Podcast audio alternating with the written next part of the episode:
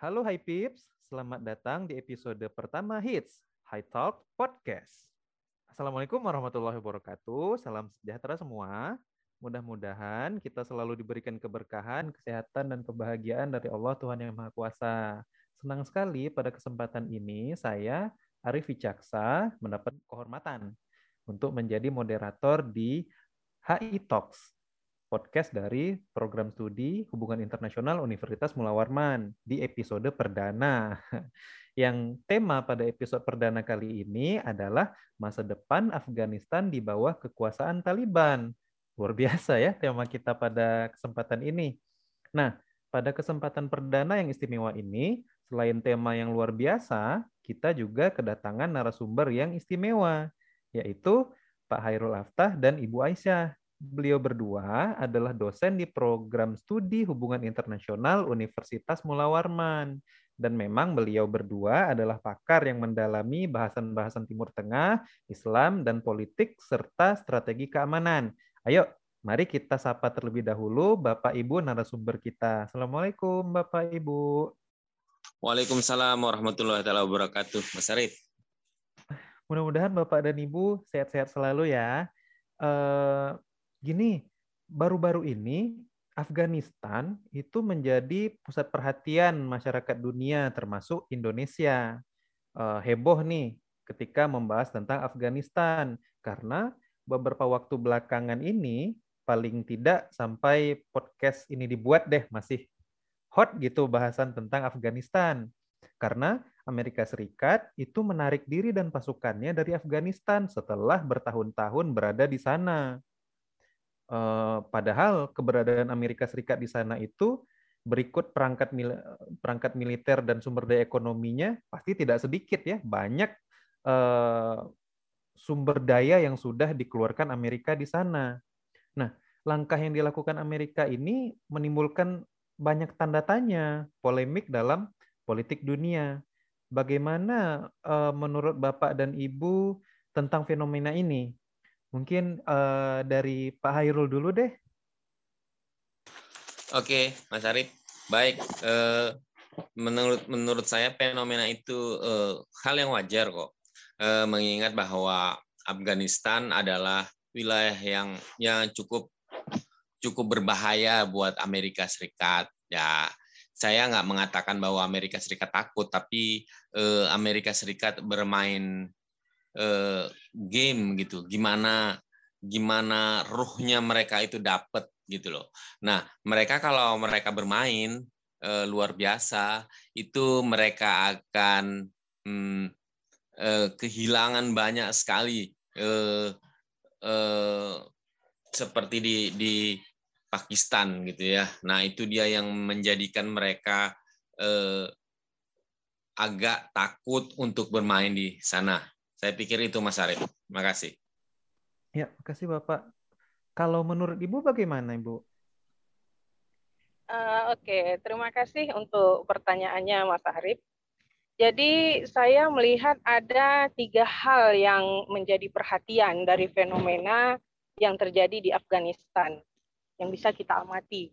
Yang pertama adalah penarikan pasukan militer Amerika Serikat dari Afghanistan setelah selama lebih kurang 20 tahun uh, berada di sana melalui kampanye Global War on Terrorism dan Operation Enduring Freedom. Ini merupakan respon ya dari pemerintah Amerika Serikat terhadap serangan 11 September tahun 2001 yang dilakukan oleh kelompok teroris ke World Trade Center di New York dan markas militer Amerika Serikat di Pentagon. Nah, eh, operasi militer Amerika Serikat sendiri uh, dilakukan untuk memburu Osama bin Laden yang dianggap sebagai dalang dari uh, serangan 11 September itu. Kemudian juga untuk menumbangkan rezim Taliban yang dituduh melindungi dan menolak Osama bin Laden. Nah, uh, hal menarik yang kedua itu adalah pengambil alihan kekuasaan yang dilakukan oleh uh, kelompok Taliban dari pemerintahan Afgani pada 15 September lalu. Nah, ini juga menarik ya, kenapa bisa begitu gitu. Dan yang eh, ketiga, kita bisa lihat sendiri bagaimana eksodus warga negara ke negara lainnya karena mereka merasa panik dan ketakutan setelah eh, kelompok Taliban berhasil menguasai istana presiden dan kemudian mengambil alih pemerintahan. Nah, warga negara Afghanistan ini berbondong-bondong keluar dari negara itu menuju ke negara-negara tetangga di kawasan Timur Tengah seperti Pakistan, Tajikistan, Uzbekistan, Iran, Turki, bahkan ada yang ke Eropa, ke Amerika, dan ada juga yang ke Australia. Jadi eh, menurut saya eh, hal yang eh, menarik dari fenomena yang terjadi di Afghanistan itu, Mas Arief. Wah, kalau dipikir-pikir memang permasalahan Afghanistan ini kompleks banget ya, Bapak Ibu. Unik memang kasus Afghanistan ini. Ya, apalagi dari sudut pandang Amerika gitu sudah bertahun-tahun investasikan dalam tanda kutip um, sumber daya militernya ekonominya banyaklah ke Afghanistan tapi kemudian ditinggalkan begitu saja jadi ya banyak orang heran gitu ya Bapak Ibu dan para uh, HI Pips ya menurut Ibu nih apa sih sebenarnya alasan dari Amerika Serikat itu menarik diri dari Afghanistan Uh, baik, terima kasih Mas Arief. Uh, jadi wacana dan rencana untuk menarik pasukan militer dari Afghanistan ini sebetulnya sudah ada sejak lama. Jadi uh, misalnya pada masa pemerintahan uh, Barack Obama yang pada saat itu menjadi presiden Amerika Serikat, mengingat bahwa uh, masyarakat Afghanistan sudah terlalu lelah dengan peperangan, maka Obama melihat uh, Amerika Serikat seharusnya sudah uh, mulai memikirkan untuk menarik pasukannya dari Afghanistan. Tapi faktanya pada tahun 2009 Barack Obama justru membuat kebijakan untuk menambah pasukan militernya di Afghanistan. Jadi baru di masa Joe Biden inilah kemudian direalisasikan rencana tersebut. Ini sesuai dengan janji kampanye yang pernah dilontarkan oleh uh, Joe Biden menjelang Pilpres uh, di Amerika Serikat tahun lalu. Nah, ada tiga alasan yang menurut saya menjadi uh, latar belakang Amerika Serikat menarik pasukan militernya dari Afghanistan. Yang pertama adalah alasan keamanan. Kita tahu bahwa tujuan utama dari invasi Amerika Serikat ke Afghanistan itu adalah untuk memburu Osama bin Laden yang dianggap sebagai uh, dalang dari serangan 11 September tahun 2001. Nah, kemudian juga untuk menangkap para pemimpin Al-Qaeda yang lain, kemudian juga untuk melumpuhkan uh, rezim Taliban yang memiliki hubungan yang sangat erat dengan uh, Al-Qaeda. Nah, Osama sudah terbunuh pada tahun 2011 yang lalu. Uh, pemerintahan Taliban juga sudah bubar. Ya, jadi sepertinya menurut Joe Biden tidak ada alasan lagi untuk menahan lebih lama pasukan militernya di Afghanistan. Itu alasan yang pertama. Uh, alasan yang kedua itu lebih bersifat politik ya menurut saya, di mana Biden uh, ingin menunjukkan bahwa dia adalah pemimpin yang menepati janji, baik itu kepada konstituennya maupun kepada uh, warga negara Amerika Serikat secara umum. Uh, selain itu, Joe Biden juga ada mengatakan bahwa masa depan Afghanistan ada di tangan orang Afghanistan sendiri.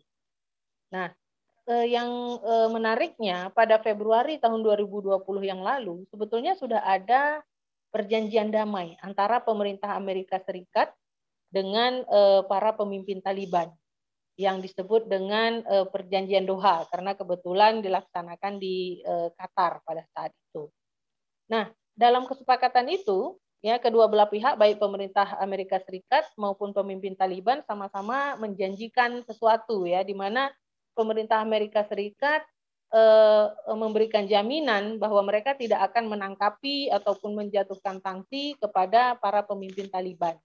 Nah, sementara di sisi yang lain, para pemimpin Taliban itu berjanji ya untuk tidak eh, memberikan eh, peluang atau uh, akan bekerja sama dengan baik eh, dengan pemerintah Amerika Serikat untuk mengantisipasi segala bentuk ancaman terhadap keamanan Amerika Serikat dan negara-negara sekutunya. Nah, eh, alasan yang ketiga saya lihat adalah alasan ekonomi. Jadi selama 20 tahun berperang di Afghanistan, pemerintah Amerika Serikat ini sudah keluar biaya yang besar ya, sangat besar bahkan. Eh, menurut otoritas Amerika Serikat ada lebih kurang 4 triliun sehari untuk berbagai keperluan pasukan, baik itu eh, makanan, pakaian, obat-obatan, eh, gaji, tunjangan, belum lagi pengeluaran untuk membina pasukan keamanan Afghanistan, eh, tata kelola pemerintahan dan eh, pembangunan, bantuan kemanusiaan dan lain sebagainya. Jadi dari sisi ekonomi Amerika Serikat sebetulnya sangat rugi belum lagi uh, korban jiwa ya dari pasukan Amerika Serikat itu ada sekitar 2.500 orang selain warga sipil di Afghanistan tentunya. Nah sejauh ini perang di Afghanistan memang adalah perang yang paling lama yang pernah dilakoni oleh Amerika Serikat karena intervensi ataupun uh, keterlibatan uh, Amerika Serikat dalam perang Vietnam saja itu tidak sampai uh, ke 20 tahun. Begitu Mas Arief. Wah, luar biasa ya eh, apa yang telah Ibu sampaikan ya dengan segala macam pertimbangan, kemudian alasan-alasan ya dari Amerika Serikat yang menarik diri dari Afghanistan sana. Eh, dari sisi Afghanistannya sendiri nih, kondisi Afghanistan kan bisa dikatakan belum stabil ya. Nah, saya mau nanya ke Bapak nih, menurut Bapak apa sih sebenarnya signifikansi atau ya luar biasanya lah fenomena ini. Kemudian kira-kira hmm, peluang dan tantangan dan kesempatan tentunya bagi masyarakat Afghanistan sendiri bagaimana Pak?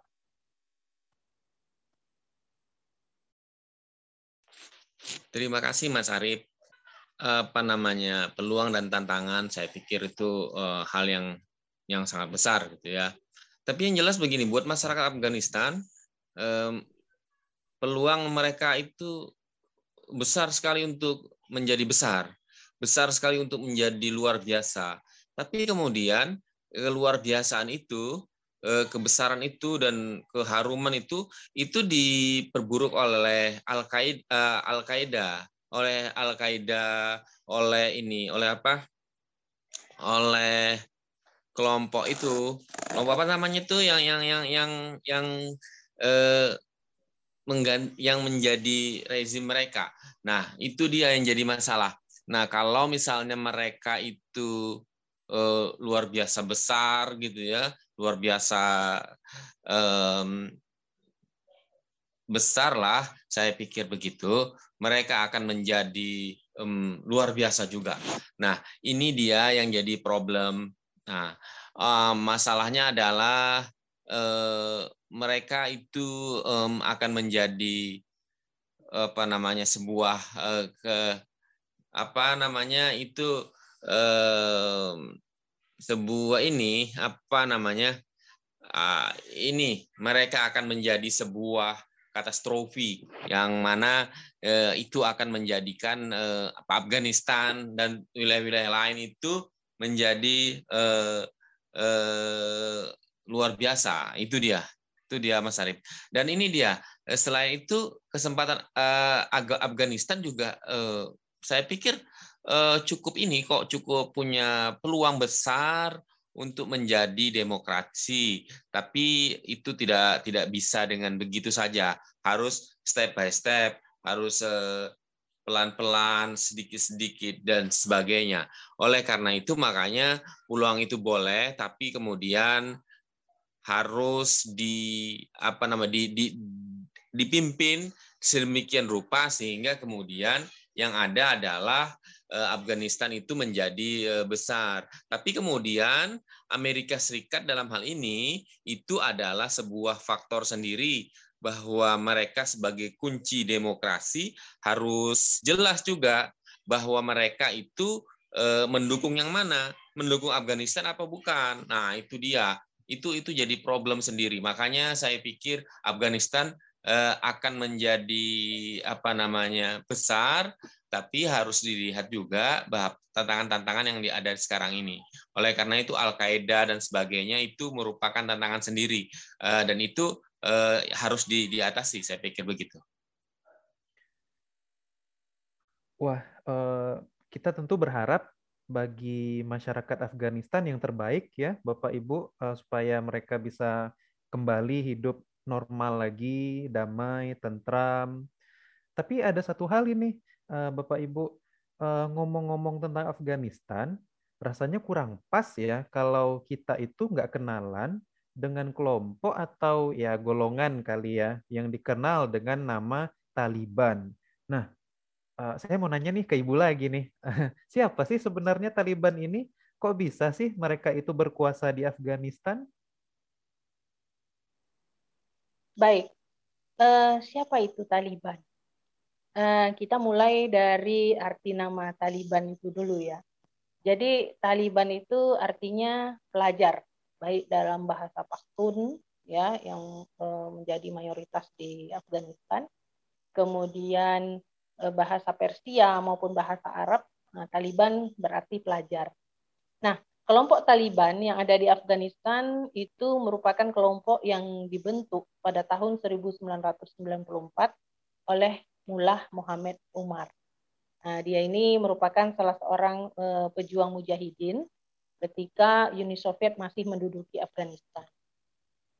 Anggota Taliban itu terdiri dari para pelajar dari berbagai madrasah yang ada di Afghanistan. Nah, kelompok Taliban ini mulai terlibat di dalam politik eh, ketika terjadi perang saudara ya yang eh, disebabkan eh, apa namanya pasca keluarnya Uni Soviet dari Afghanistan. Jadi dari tahun 1989 selama beberapa tahun kemudian itu eh, terjadi perang saudara di sana. Nah, pada tahun 1996 Eh, kekacauan eh, kekacauan yang terjadi di eh, Afghanistan itu menjadi momen untuk Taliban menggulingkan pemerintahan Presiden Burhanuddin Rabbani pada saat itu. Dan akhirnya pada tahun yang sama Taliban berhasil membentuk Republik Islam Afghanistan sampailah akhirnya invasi Amerika Serikat ke sana eh, tahun 2001. Jadi Taliban sempat berkuasa di Afghanistan dari tahun 96 sampai ke 2001. Nah, kemudian yang jadi pertanyaan lain, kenapa kemudian Taliban bisa menguasai Afghanistan? Karena sebetulnya Taliban tidak pernah benar-benar lenyap ya, meskipun terlibat perang dengan pasukan Amerika Serikat dan tentara nasional yang dari sisi persenjataannya lebih lengkap, lebih canggih gitu ya. Eh, bahkan diam-diam sebenarnya Taliban berhasil memobilisasi kekuatannya dengan menguasai beberapa provinsi ataupun wilayah yang ada di Afghanistan. Nah, yang tidak kalah penting menurut saya, eh, mengapa kemudian Taliban berhasil mengambil alih kekuasaan di Afghanistan adalah karena kegagalan Amerika Serikat sendiri dalam membentuk pemerintahan yang efektif. Jadi banyak kasus eh, korupsi yang kayaknya malah dianggap sebagai endemik di Afghanistan gitu ya. Belum lagi permasalahan sumber daya manusia di mana eh, Amerika Serikat tidak berhasil untuk meningkatkan sumber daya manusia di Afghanistan sehingga orang-orang yang berada di pemerintahan atau orang-orang yang juga eh, apa namanya bekerja di eh, apa di bidang keamanan itu bukan orang-orang yang mumpuni Ya, jadi walaupun Amerika Serikat membekali mereka dengan persenjataan yang hebat, yang canggih, yang uh, banyak begitu ya, tetapi setelah pemerintah Amerika Serikat menarik pasukan militernya uh, dari uh, Afghanistan gitu, mereka seperti kehilangan kehilangan kekuatan seperti itu. Demikian Mas Arief. Wah, ternyata Taliban ini besar juga ya, Ibu pengaruhnya dan pergerakannya di Afghanistan. Uh, satu lagi nih Bu, kita mau tahu lebih jauh nih tentang Taliban. Kira-kira apa sih ya pengaruh uh, Afgan si Taliban ini bagi politik domestik Afghanistan? Iya, uh, pengaruh di lingkup domestik ya. Jadi saya melihat bahwa eh, pengaruhnya itu lebih kepada eh, tantangan ya, lebih kepada tantangan yang bakal dihadapi oleh eh, masyarakat, oleh pemerintah eh, yang berkuasa itu adalah instabilitas politik dan keamanan di sana.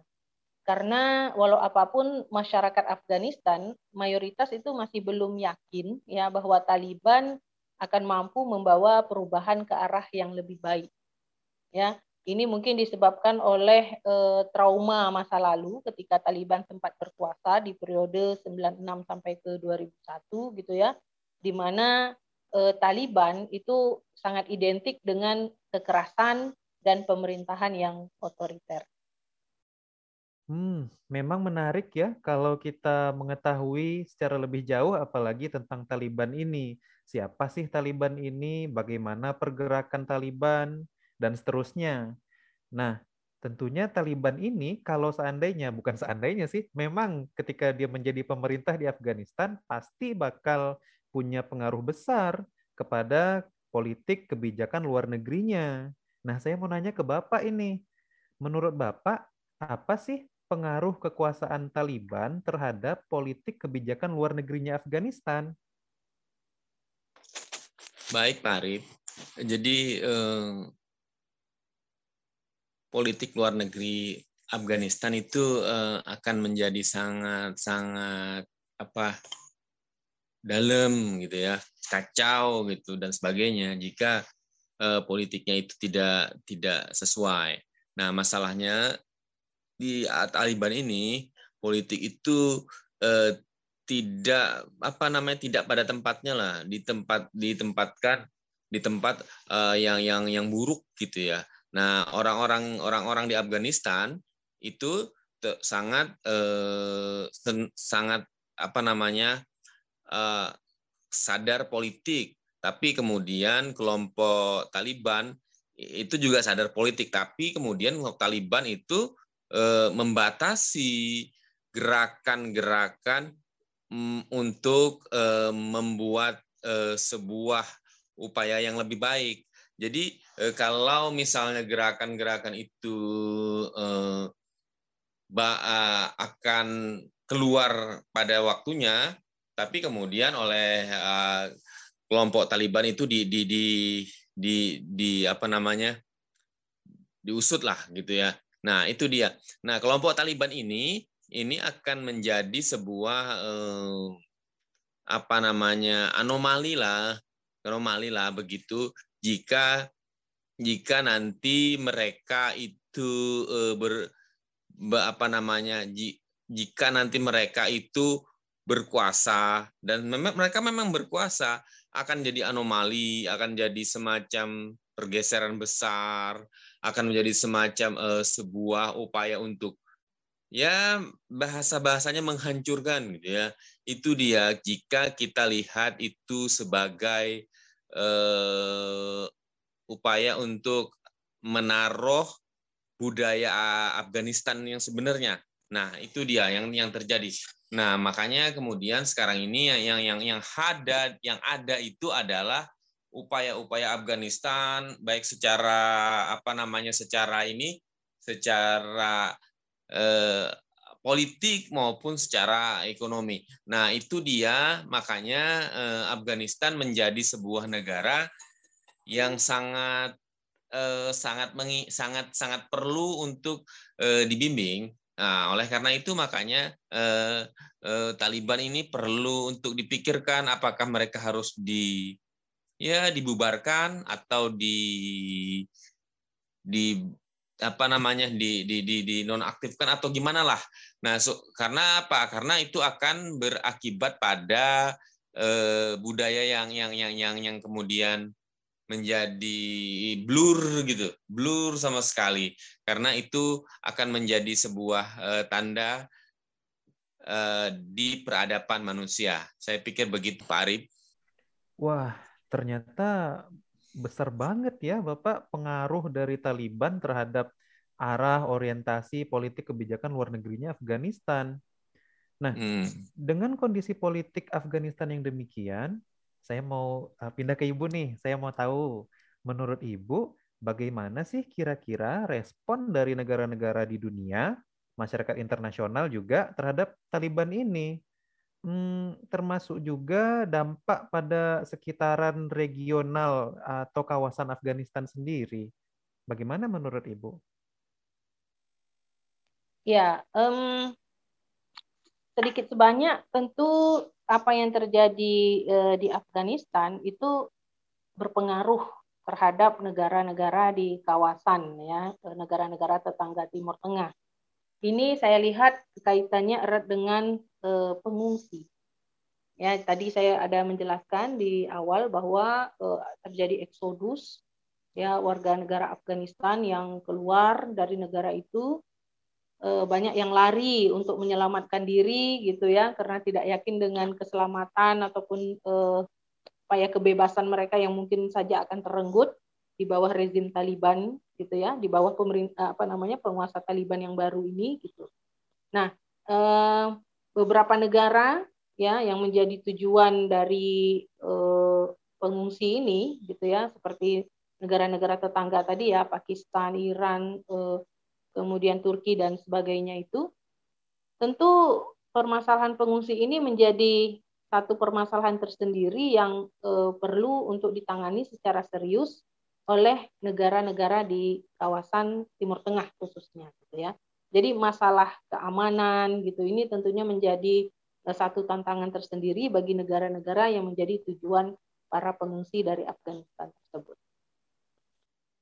Memang kalau kita ngobrolin atau mendiskusikan Taliban dan hubungannya dengan uh, politik kewilayahan, memang menarik banget sih ya. Tapi uh, pada kali ini saya mau tahu ke sesuatu yang lebih uh, filosofis tentang konsep demokrasi. Nah, dalam konteks politik global, biasanya nih istilah demokrasi selalu dimaknai positif, selalu berkonotasi positif. Saya mau nanya ke Bapak nih, kira-kira menurut Bapak bagaimana sih hubungan dan kemungkinan yang dimiliki antara Taliban dengan konsep demokrasi? Hubungan eh, Taliban dengan konsep demokrasi itu sangat-sangat nggak ini apa nggak nggak match gitu ya karena apa eh, politik yang dijalankan oleh eh, kelompok Taliban itu sangat berbeda dengan eh, apa namanya eh, ilmu politik itu sendiri. Eh, karena apa? Karena eh, Taliban keluar dari ilmu politik. Keluar dari ilmu politik itu dalam dalam dalam arti bahwa mereka itu memainkan pion-pionnya itu di luar pion-pion yang apa namanya yang ada. Nah, eh, jadi kalau mereka misalnya memainkan sisi politik itu oke okay lah, nggak masalah. Tapi kemudian eh, mereka eh, keluar dari dari dari beberapa pion itu untuk apa? Untuk eh, ini, untuk apa? Eh, untuk agar rakyat itu bisa bergerak. Nah, ini dia yang nggak nggak nggak bisa bergerak. Nah, yang jadi masalah itu uh, menurut saya uh, ketika kita, uh, rakyat itu menjadi menjadi sangat-sangat um, ya katakanlah um, rentan lah begitu, itu mereka akan akan akan akan suka sekali karena dimudah di di di, di, di apa di dimainkan oleh eh, kelompok Taliban. Oleh karena itu makanya eh, kelompok Taliban ini ya, perlu kita pikirkan apakah dia akan lanjut atau enggak itu dia. Terima kasih Pak Rik. Wah, menarik banget ya, Bapak. Eh, bagaimana kira-kira korelasi antara Taliban dan Afghanistan ini, gitu. Uh, tentu kita berharap yang terbaik sih ya buat uh, masyarakat Afghanistan, khususnya di bawah kekuasaan Taliban ini. Meskipun dari sudut pandang demokrasi rasanya agak agak pesimis kita melihat kondisi yang demikian. Nah, satu lagi nih, berhubung nih podcast kita ini dalam naungan ilmu kajian hubungan internasional. Rasanya kurang greget kalau saya nggak bertanya tentang ini ke Bu Aisyah deh. Kira-kira menurut Ibu, secara keseluruhan, bagaimana sih hubungan internasional Afghanistan di bawah kekuasaan Taliban kelak dengan negara lain? Ya, um, bagaimana kemudian hubungan Afghanistan dengan negara lain ya? Memang apa yang terjadi di Afghanistan itu banyak negara yang mengecam tindakan yang dilakukan oleh uh, Taliban ya yang mengambil alih kekuasaan dari uh, Presiden Ashraf Ghani bahkan ada yang uh, apa namanya uh, mengatakan akan menutup uh, kedutaan besar mereka atau memutus hubungan diplomatiknya dengan Afghanistan gitu. Tapi uh, di antara negara-negara yang mengecam itu masih ada beberapa negara yang menyatakan siap untuk menjalin hubungan yang baik dengan Afghanistan dan uh, meningkatkan kerjasamanya dengan uh, Afghanistan meskipun di bawah kekuasaan Taliban. Nah, uh, jadi kalau dari segi hubungan internasional uh, apa namanya uh, tidak ada hal yang terlalu mengkhawatirkan menurut saya. Bahkan Taliban sendiri sudah menjanjikan bahwa mereka akan membuka pintu yang selebar-lebarnya eh, bagi Amerika Serikat bahkan untuk ikut terlibat dalam pembangunan kembali di Afghanistan. Nah, eh, beberapa negara yang eh, nampaknya bakal membuka hubungan yang baik dengan kekuasaan Taliban ini, dengan penguasa Taliban ini adalah Cina, ya, kemudian Rusia, Uni Emirat Arab, Pakistan, termasuk Indonesia. Meskipun kalau pemerintah kita ini masih uh, mengawasi lah ya, masih menanti uh, apa namanya langkah-langkah apa yang dilakukan oleh uh, Taliban begitu ya, sehingga pemerintah Amerika Serikat eh sorry pemerintah kita Indonesia itu tidak mau terburu-buru dulu untuk mengakui kekuasaan Taliban. Sebenarnya saya masih mau sih ya lanjutkan lebih jauh lagi diskusi dan belajar bareng uh, bersama Bapak dan Ibu di podcast HI kita ini, HI Talks ya. Tapi ya karena waktu kita terbatas ya, terpaksa nih sepertinya kita cukupkan sampai di sini. Mudah-mudahan di kesempatan lain kita bisa kembali mengulas, membahas, mendiskusikan persoalan-persoalan menarik seperti uh, isu Afghanistan ini. Tapi nih sebelum kita akhiri, saya minta kesediaan dari Bapak dan Ibu untuk memberikan ya simpulan dan closing statement nih tentang bahasan kita hari ini. Mungkin dari Bapak dulu. Baik, Mas Arif. Uh, saya pikir closing statement saya sih uh, berkaitan dengan proses di masyarakat bahwa uh, proses politik, proses ekonomi dan proses sebagainya di di di Afghanistan itu merupakan sebuah uh, kumpulan proses yang yang menjadikan matang sebuah negara. Makanya uh, ke Afghanistan kalau mau matang ya berjalan proses itu. Ini nggak berjalan. Nah itu yang jadi masalah buat saya dan dan dan tidak berjalan itu karena apa? Karena uh, ada bagian-bagian dari proses demokrasi itu yang nggak nggak nggak nggak berjalan dengan baik.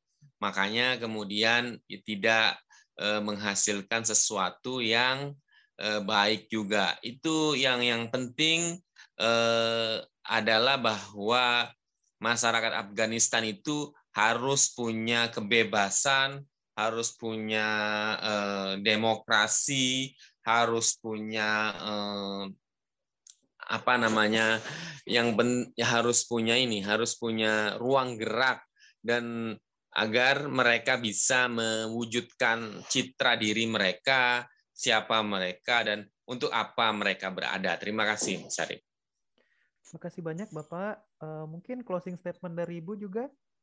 Ya.